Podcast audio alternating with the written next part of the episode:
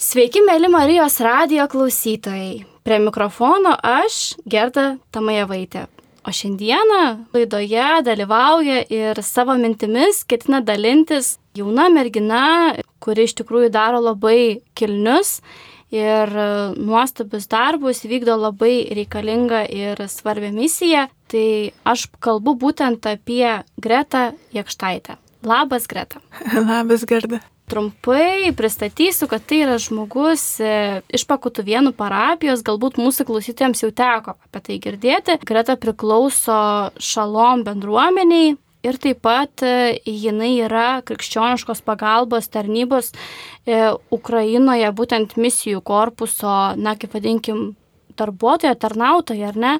tarnauja būtent ten, bet aš manau, kad pokalbio eigoje Greta tikrai apie tai papasakos ir pasidalins e, būtent tiek su manim, tiek su mūsų klausytojais. Tai mano pirmasis klausimas tau, Greta, būtų toks. Gal tu galėtumai trumpai prisistatyti, e, kas tu esi ir e, ką tu šiuo metu gyvenime veiki. Papasakok apskritai, na, apie tikėjimą ir ką jisai tau reiškia gyvenime. Tai va, tai Kaip jau ir minėjo Gerda, aš esu Greta iš Pakutuvenų, šiuo metu tarnauju Ukrainoje, vidurio miestelėje tarp dviejų miestų Muhačevo ir Užhorodo.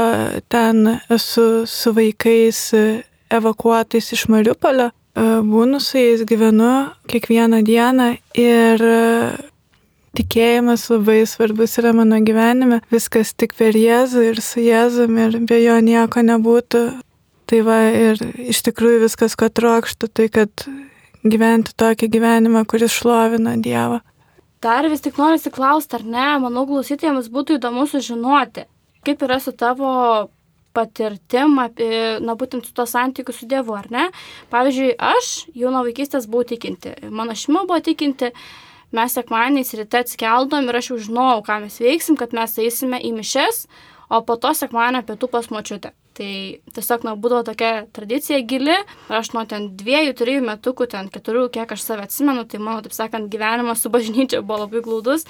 Ir tas santykis su tėvu, na, jisai vis tiek, na, aš dar vaikiškai galbūt žinojau, kad tas dievas kažkur yra, bet, na, jisai pas mane buvo. O kaip buvo tavo gyvenime? Kaip pas tave atėjo Dievas ir kada galbūt, ar ne, gal nuo vaikystės, galbūt nuo jau aukant, brestant paauglystėje. Norisi išgirsti ir manau, kad norėčiau, kad klausytojai taip pat e, išgirstų, kad tu pasidalintumai savo istoriją. Čia toks painus klausimas iš tikrųjų, nes e, labai daug galvoju apie savo santykių su Dievu ir nuo kada jis yra. Ir anksčiau, kai tik vat, pilnai tikėjau, e, buvau įsitikinus, va tokia ir tokia diena, toks ir toks momentas, kai aš pažinau Dievą. Bet e, dabar tolimesniai eigoje, kai žiūriu, aš nebegaliu atsekti linijos, kada viskas prasidėjo. Aš esu iš tokios šeimos, netikinčios, sakyčiau, kilusi kai augau, mano tėtis buvo ateistas, nekrikštytas, o mama tradicinė katalikė, tai jeigu pasisekdavo per Kalėdas arba Velykas, nuvažiuodavom į bažnyčią. Ir kartais e, man labai patikdavo, kai seneliai nusiveždavo mane į mišes, bet e, irgi tai būdavo retokai. Ir e, iš tikrųjų vaikystė buvo tokia kupina meilės, bet skurdi finansų prasme ir panašiai, nes augom kaime, bet e, tai visa ta vat, patirtis, kuri buvo vaikystėje patirta, dabar aš galiu savo tarnystėse dabar naudoti. Ir iš tikrųjų paauglystėje atradau pakutuvenus, nes e, aš esu iš Kulupienų, tai yra gan netoli pakutuvenų kaimo esanti gyvenvietė. Ir e, Pakutvenuose aš leisdavau laiką, savanoriaudavau su priklausomais žmonėmis, narkomanais, alkoholikais. Ir man ten labai patikdavo, aš ten pirmą kartą išgyvenau, kad mane irgi įmanoma mylėti, kad mane myli žmonės. Tiesiog šiaip savo, ne dėl to, kad aš kažką darau, ne dėl mano išvaizdos ir panašiai, o myli ir tiek. Ir va ta patirtis man ji yra tai, kas įsiminė labiausiai.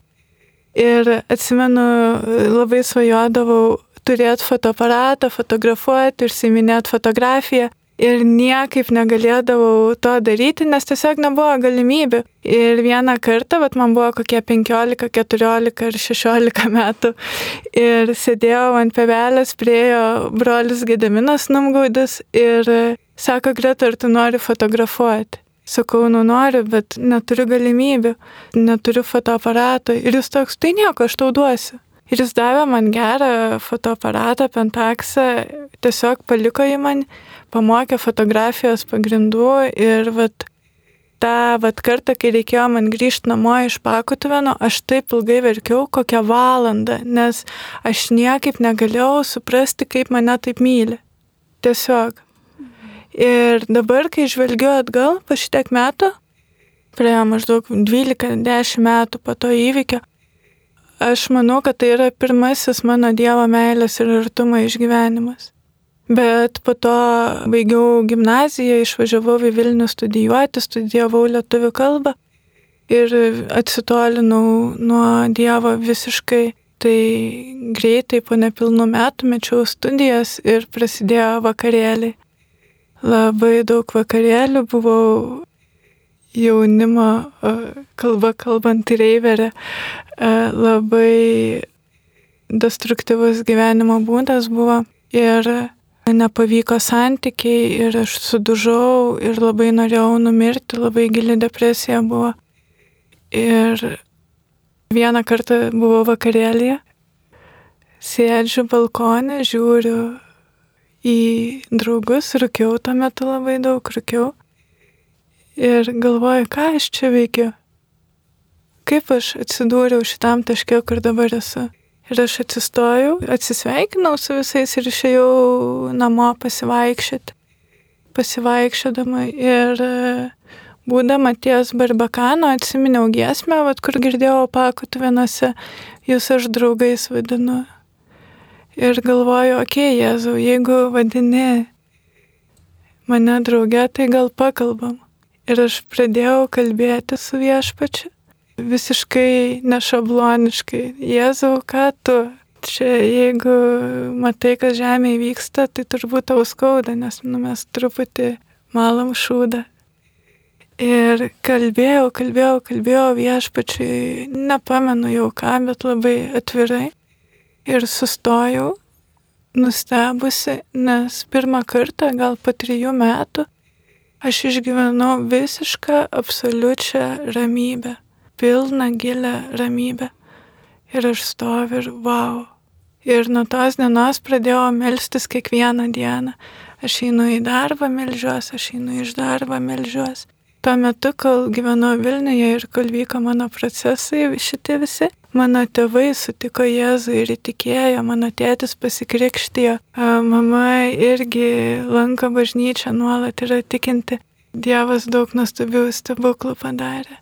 Su laiku, nu, vis tiek buvo pereinamasis toks laikotarpis, su laiku pradėjau lankyti mišes ir kažkuria tai dieną apsisprendžiau išvažiuoti iš Vilniaus, nes nebegalėjau gyventi kompromisuose tarp nuodėmės ir gyvenimo tikėjime, taip. Ir apsigyvenau Pakotavenuose ir ten, kai atvažiavau į Pakotavenus, ten kaip tik buvo tokia mesijaninė žydų stovykla, mesijaniniai žydai, tai žydai, kurie įtikėjo Jėzų. Jie nevadino savęs krikščioniais, nes Jėzus mesijas, bet e, tos stovyklos metu atpažinau savį daug antisemitizmo, kad yra užgavinės aš juokaudavau apie negančių žydus. Tai toks stiprus atgailos momentas buvo prieš Dievą ir prieš tos žmonės žydus, kurie išgyveno holokaustą.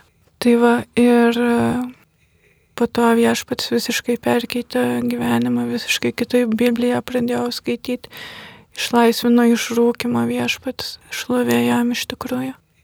Iš tiesų klausantis, tai kyla daug tokių minčių, nes e, net ir man pačiai toks susimastymas ateina, nes aš niekada gyvenime nesu nei rūkius, nei vartojus nieko apskritai. O tai yra momentas, kai supranti, kad, na, nu, kaip viskas yra taip trapu ir, žinai, labai viskas arti yra, ar ne? Ir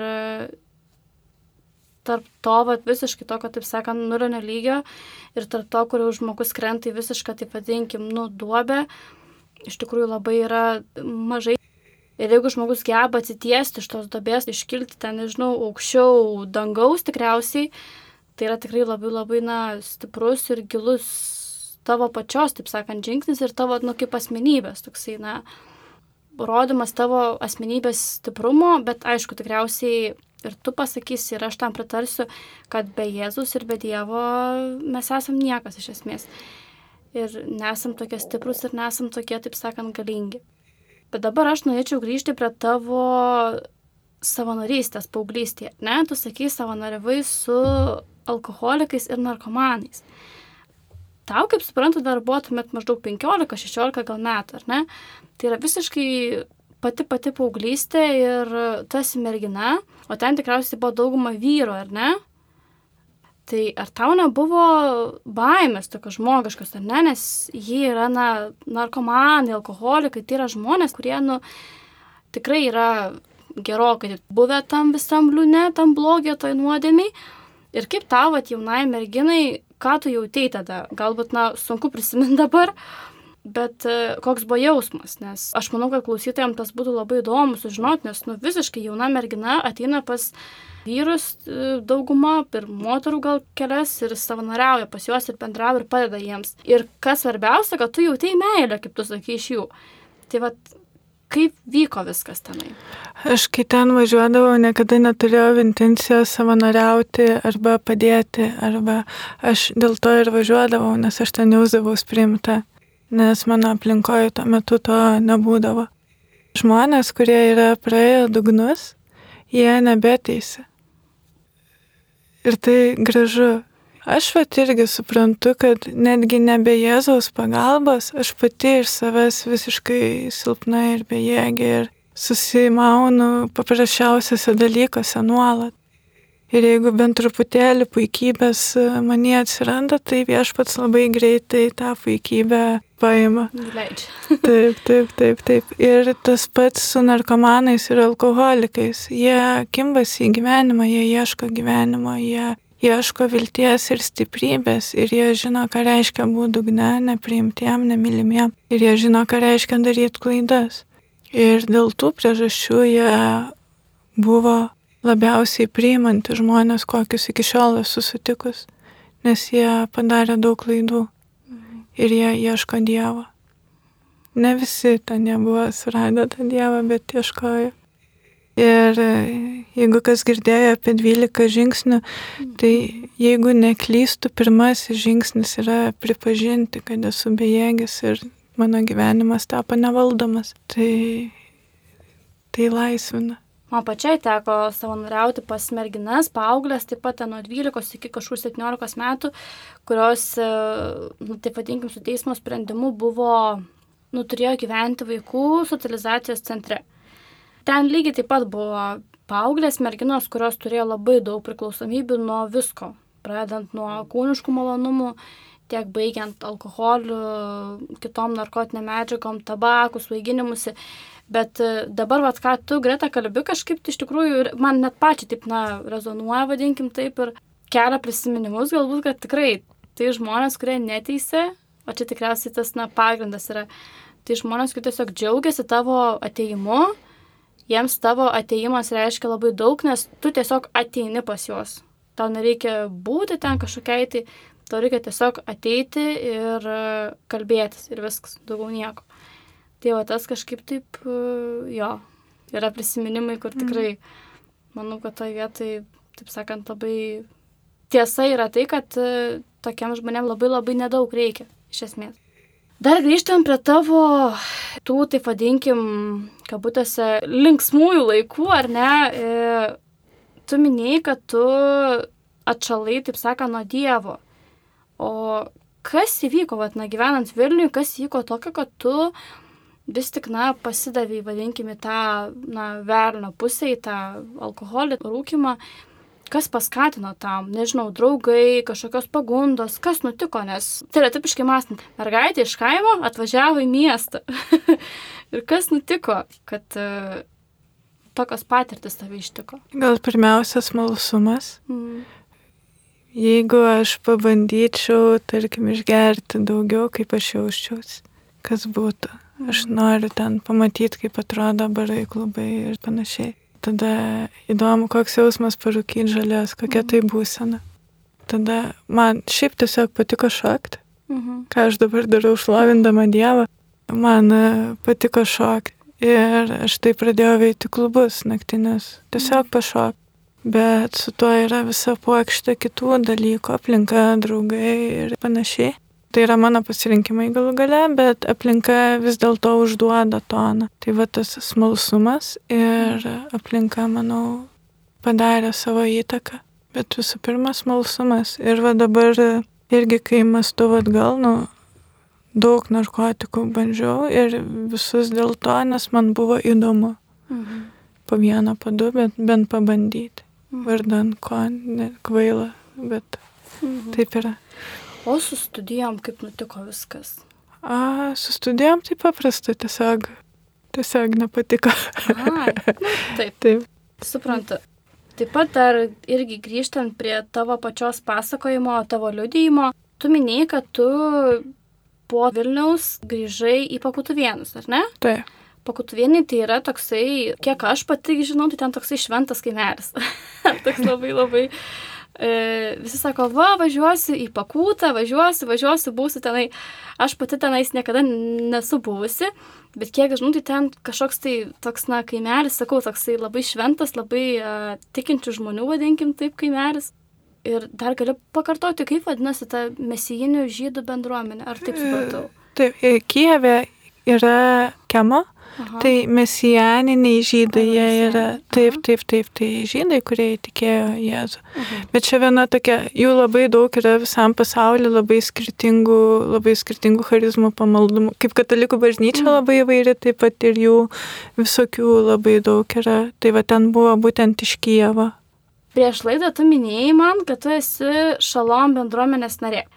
Tai manau, kad mūsų klausytojams būtų tikrai įdomu sužinoti, kas tai per bendruomenė, ką jūs veikiat, kuo jūs užsijimat ir kokia yra jūsų tarnystės, galbūt ar net to buvimo bendruomenėje veikla ir papasakok tiesiog plačiau mūsų klausytojams. Tai mes esame jauna bendruomenė, šalom, mūsų būstinė yra tose pačiose pakotuvenose ir mes esame visoje Lietuvoje jauna bendruomenė, trys metai tik susikūrė ir esam išsikėlę savo tikslą, uždavinį tarnauti susitaikinime tarp bažnyčios iš tautų ir žydų. Ir mes laiminam Izraelį, melžiamės už Izraelio tautą, nes tai yra vienas iš paskutinių laikų ženklų žydų atsvirtimas. Tai mes nuolat melžiamės už Izraelį, e, šlovinam viešpati šokių, e, melžiamės holokausto vietose įvairiuose, atgailaujam dėl ir lietuvių padarytų nusikaltimų prieš žydų tautą, atgailaujam dėl tų pačių žydų padarytų klaidų galbūt. Tai va ir va esame santykėje tokiam su Izraeliu. Mes tikim, kad nėra bažnyčios vienybės pilnos be žydiškosios jos dalies.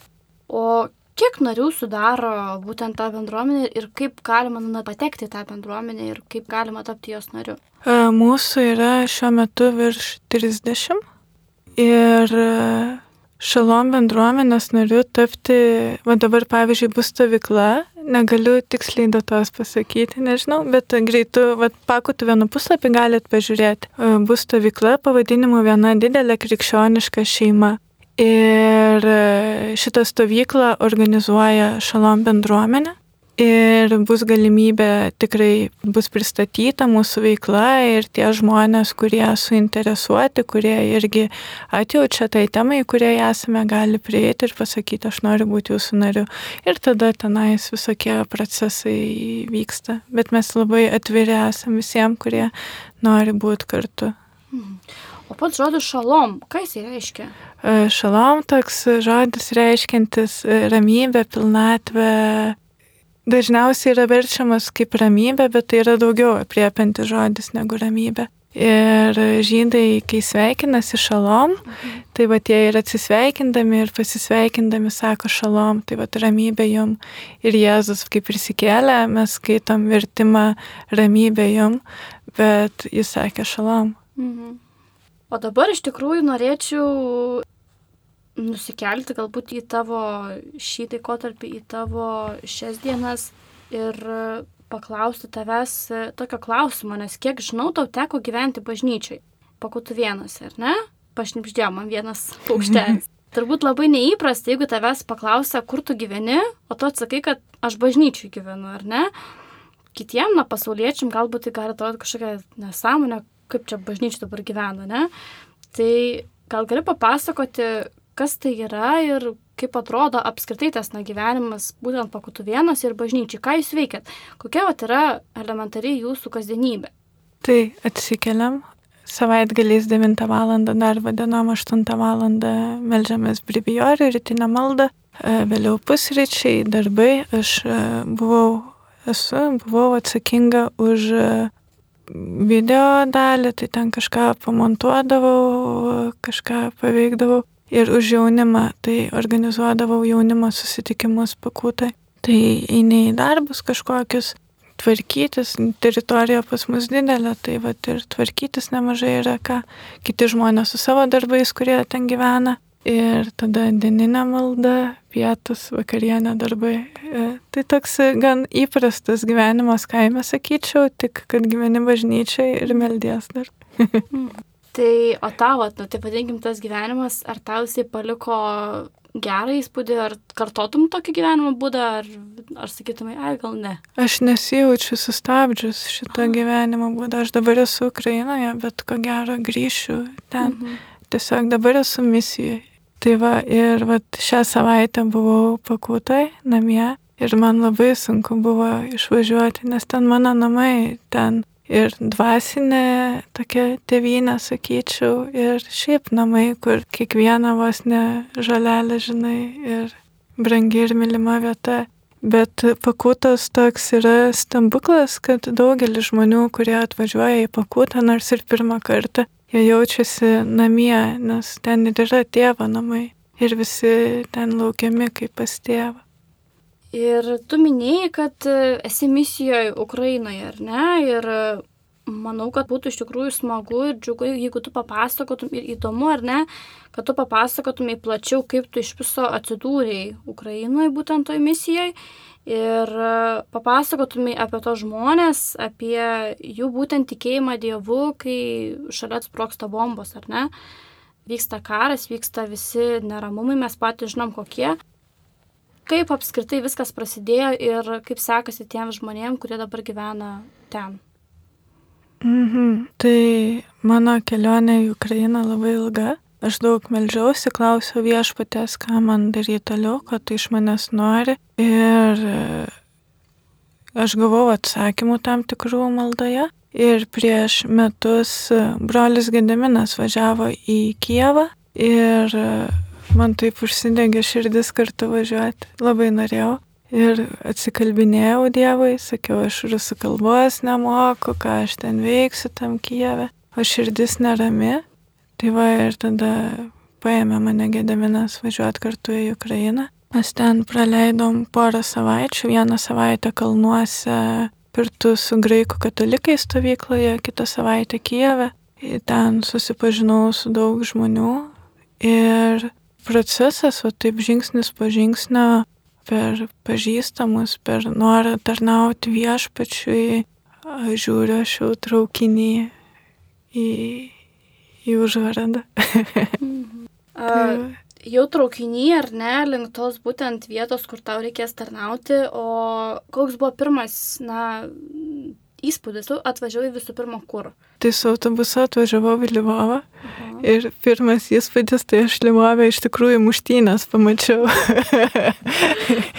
ir, ir galvoju, o ne, negi čia kažkoks tai pranašingas ženklas. Bet ir tada važiuodama traukinį galvoju, nu durna, nu ką aš darau, važiuoju į svetimą šalį, nemokėdama kalbų, valstybė kariauja, ar aš nebūsiu našta.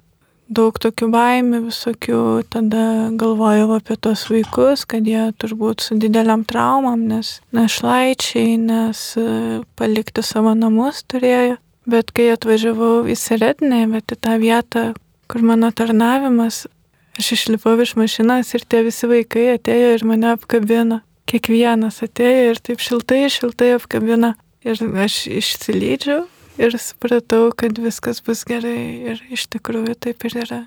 Tie vaikai, jie yra nerealūs, jie pilni meilės ir man šiaip gyvenime nėra buvę, kad aš būčiau nusteikus duoti, bet negaučiau atgal daug daugiau. Ir ten aš irgi išvažiavau tarnauti, išvažiavau būti žmonėm, bet viešpats man šimteriopai draugų, meilės, patirties, ugdavot kalbos naujos mokaus, prieimimo ir svarbiausia, aš iš tų vaikų mokausi mylėti, nes jie, jie moka susipykti, bet e, nelaikyti pykčio, iškalbėti viską. Jie moka apkabinti, prieiti. Šiaip mes tokie lietuviai vis tiek labiau šiauriečiai ir laikom fizinį atstumą vienas nuo kito. Vat ir mes dabar per kėdę sėdim. Tai va, tai mokausi meilės kitam. O kalbant ne tik apie vaikus, bet ir apie suaugusius žmonės, tai vadinkim jų tas tikėjimo klausimas. Nes šitoje vietoje aš manau visiems galvoje kirba klausimas, kaip tikėti Dievu, kai šalia vyksta karas, šalia žūsta mano mama, tėtis, mano vaikas galbūt, e, brolis, sesuo. Nes natūraliai tiesiog kyla klausimas, tai kur tas Dievas, jeigu mano artimieji dabar vat, žūsta tiesiai po mano kojomis ir priešais mano akis. Kaip yra, nu, bendrai vadinkim situacija su jų tikėjimu. Šitą klausimą aš kėliau, kai buvau bučiai. Ir kai važiuoji ir matai ištisus sudegintus daugiabučius, priekybos centrai sugriauti, bažnyčios šventoriuje, masinė kapavietė, kur žmonės patys laidojo kitus žmonės ir iki šiol miškiukai dar tų vaikų palaidotų pliušiniai padėti. Ir iš tikrųjų aš važiavau mašiną ir aš sakau, okei, okay, Dieve, jeigu tu esi geras, tai kaip čia suprasti? Ir gavau atsakymą, kad tas faktas, kad mes savanoriai esam ten, kad žmonės šlovina Dievą, kad žmonės padeda vieni kitiem, aukoja, tai ir yra vat, tas Dievo veikimo ženklas, Dievo meilė per žmonės. Ir aš esu tas asmuo, kuris turėtų padėti kitiem pažinti, kad Dievas yra geras. Ta Dievo meilė savo buvimu liudyti. Ir po to, va, jau laikui bėgant, pamačiau, kad Ukrainai labai aiškiai matosi materialiam pasauliu dvasinė kova ten taip akivaizdu, kas gera, kas bloga ir man, nu, va čia velnas veikia gudriai per visokius dalykus. O Ukrainai dažniausiai labai kažkaip matosi per tą žmonių širdingumą, kas gera, kas ne. Ir man fainiai buvo, kad prieš tos pačius metus Kijeve krito raketos, buvo oro pavojus ir mes ten su broliu Gedimino ir katalikų bendruomenė Maranata, Rusija šlovinam viešpatį, džiaugsme. Ir tas žmonių tikėjimas va tame kare ir o šiaip Evangelijoje ir nepasakyta, kad čia nebus jokių karų ir viskas bus gerai ir gražu. Kažkaip taip klausau ir taip net, nu, net ausis, taip net, net, net negaliu patikėti tuom, ką girdžiu. Vyksta karas, kažkur šaudo šalia, o jūs stovit Rusijai ir jūs šlovinat viešpatį skamba, nežinau, kaip iš e, fantastikos, kokio filmo. Kaip taip? Tiesiog, nu, taip natūraliai kyla klausimas, kaip. Bet tada iš tikrųjų šiek tiek permastau ir suprantu, kad su Dievo pagalba viskas yra įmanoma, ar ne? Ir kad tik tai su Dievu, taip sakant, yra ta stiprybė. Kalbant apie būtent tų žmonių tikėjimą, tai man atrodo, kad iš tavo pasakojimų, iš tavo minčių, iš tavo būtent pastalinimų, suprantu, kad žmonės vis tik nepraradė yra tos vilties, ar ne? Ar tiki jie dar, na, kad yra, tai vadinkim, tas, ta šviesa kažkur tai. Tik, jie, aš labai stebiuosi, kaip jie tiki. Mm. Jie taip ugningai tiki, taip melžiasi, taip e, šlovina Dievą. Ir va tie patys mesijaniniai žydai, karas, pirmas karo dienos, jie šlovina Dievą šokį.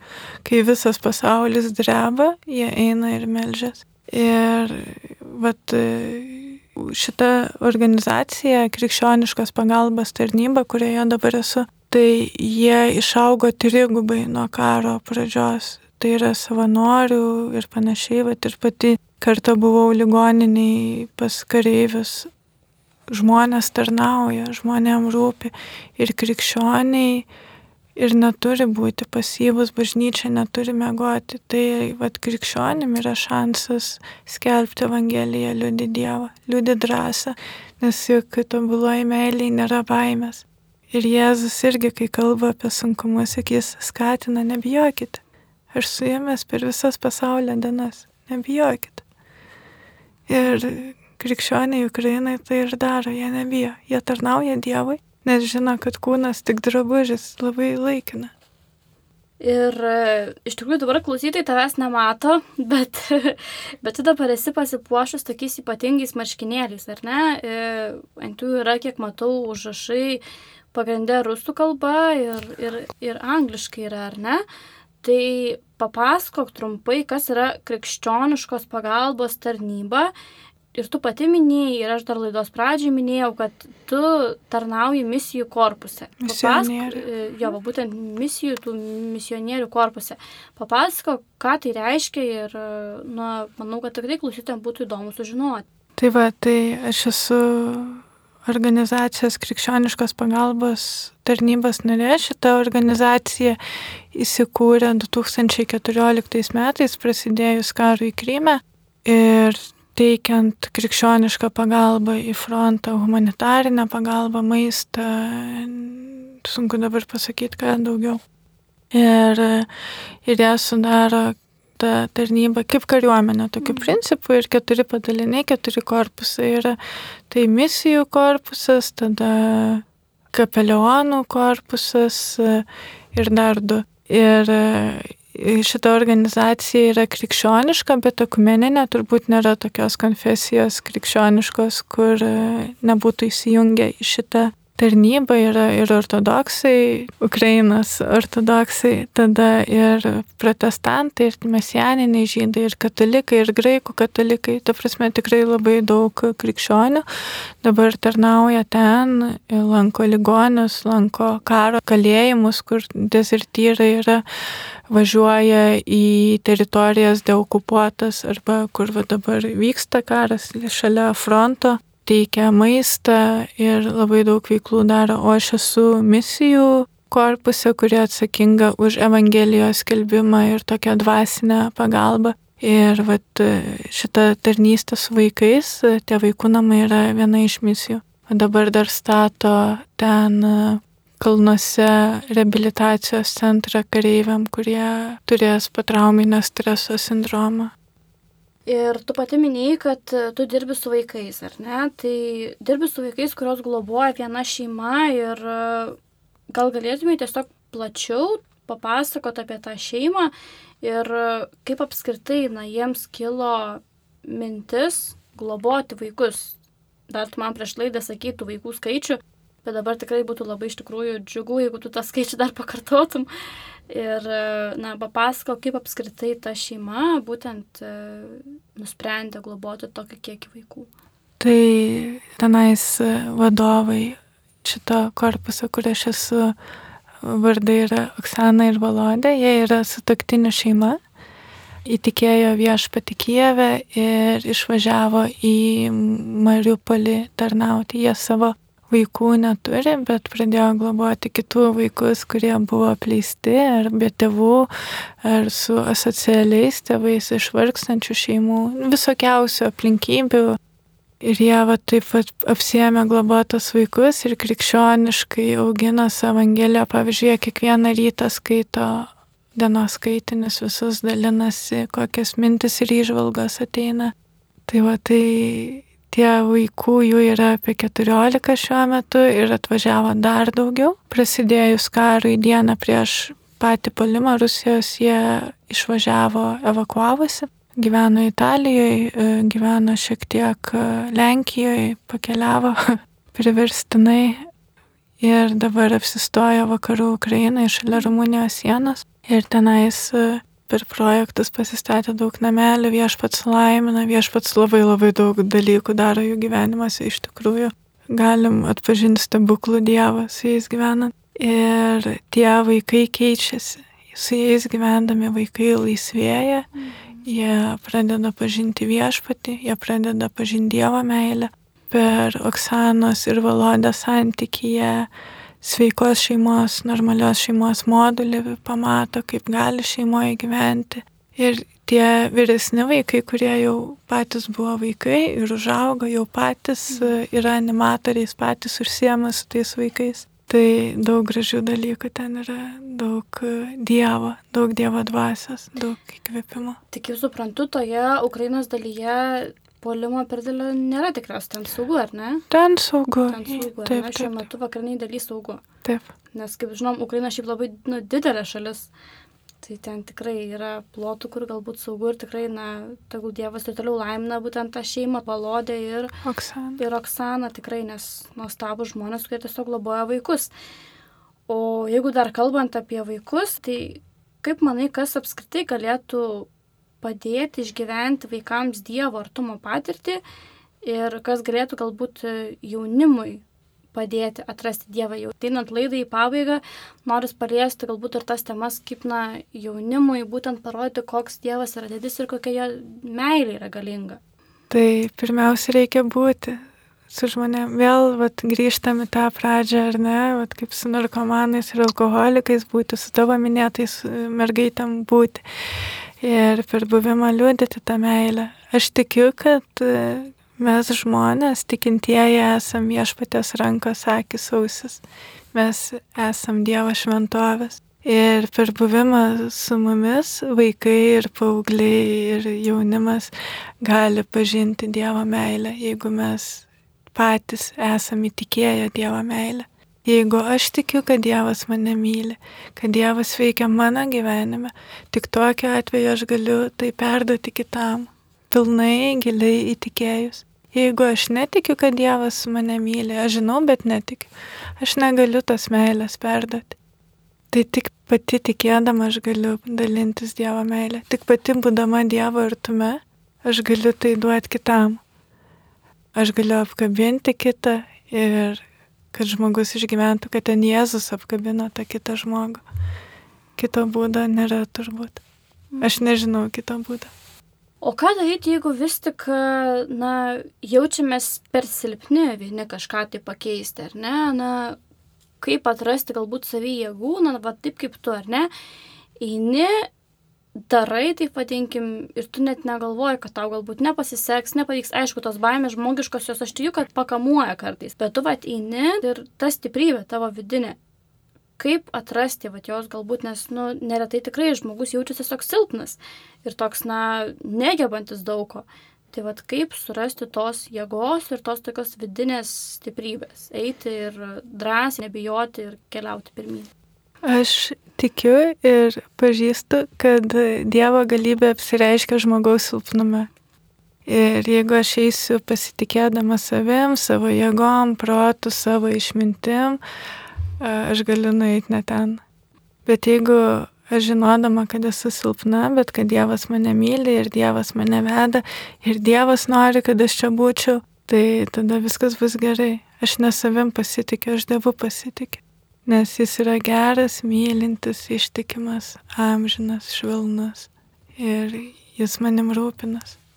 Kaip manai, e, mūsų klausytojai, aš na, tikiu, kad yra ir jaunų žmonių tarp mūsų klausytojų, kaip tu manai, jeigu jauni žmonės nori, na, vat, kaip tu ar ne, eiti savanoriauti galbūt pradžioj ne nuo tokių, jų, tai vadinkim, labai aukštų dalykų, bet ne, nuo šiek tiek mažesnių, nuo ko jiems reiktų pradėti, ką vat reiktų veikti, koks turėtų būti jų pirmas žingsnis, kaip tu galvoji? Pirmą siūlau pasimelsti, o paskui žiūrėti, ką patinka veikti. Jeigu mėgsti fotografuoti, galbūt eiti kažkokius renginius, kur vat, reikalingi fotografai. Jeigu mėgsti būti su vaikais, tai tada ieškoti vaikų namų ir belstis nuo durų iki durų. Mano savanorystės kelias prasidėjo Vilniuje, kai aš tiesiog ėjau irgi, va, į dienos centrą atėjau ir sakiau, ei, aš noriu savanoriauti, leiskite man, nes tiesiog norėjau tarnauti Dievui ir nežinojau, nuo ko pradėti. Tai malda, dvasiniai pokalbiai ir tiesiog ėjimas nuo durų prie durų ieškant, kur Dievas galėtų mane panaudoti. Tai ir dar iš tikrųjų pačiai pačiai jau laidos pabaigai norisi, kad tu ką nors greta palinkėtumai mūsų klausytojams, nes tikrai manau, kad tu turi ką pasakyti ir turi ką palinkėti, tai palinkė kažką mūsų klausytojams. Dabar šitą reikia pagalvoti. Aš linkiu, kad e, kiekvienam iš tikrųjų žmogui atrasti ramybę, šalom ateinančią iš Jėzaus. Tai yra pažadas, Jėzaus pažadas, jis sako, aš palieku jums savo ramybę, aš palieku jums savo šalom. Tai linkiu atrasti tą tikrą gilę ramybę, kuri ateina iš, tik iš viešpatės. Ir tai nereiškia pasivumą, apatiją, bet tai reiškia eiti ten, kur audra, turint ramybę. Tai kiekvienam linkiu tos tikros gilios ramybės iš viešpatės. Tai iš tikrųjų labai norisi dėkoti e, už tokį tikrai nuoširdų, gilų ir e, tokį tikrą pokalbį. Tai klausytėjams noriu priminti, kad šiandieną laidoje dalyvavo Greta Jakštaitė, kuri yra iš Pakutuvienų parapijos e, Šalom bendruomenės narė ir šiuo metu tarnaujanti krikščioniškos pagalbos tarnyboje Ukrainoje misijų korpuse. Ačiū tau, Greta, už pokalbį, už tikrai labai tokį, na, liečiantį pokalbį. Tikiu, kad ir mūsų klausytojai pasisėmė iš tavęs tos šviesos, to gėrio. E, tau palinkėsiu ir toliau išlikti tokiai stipriai, tokiai tikinčiai E, neprarasti tos ramybės, šalom, kurią tu būtent neši ir skleidi pasauliui, o su mūsų klausytojais mes atsisveikinam ir sakom su Dievu. Su Jėzumi.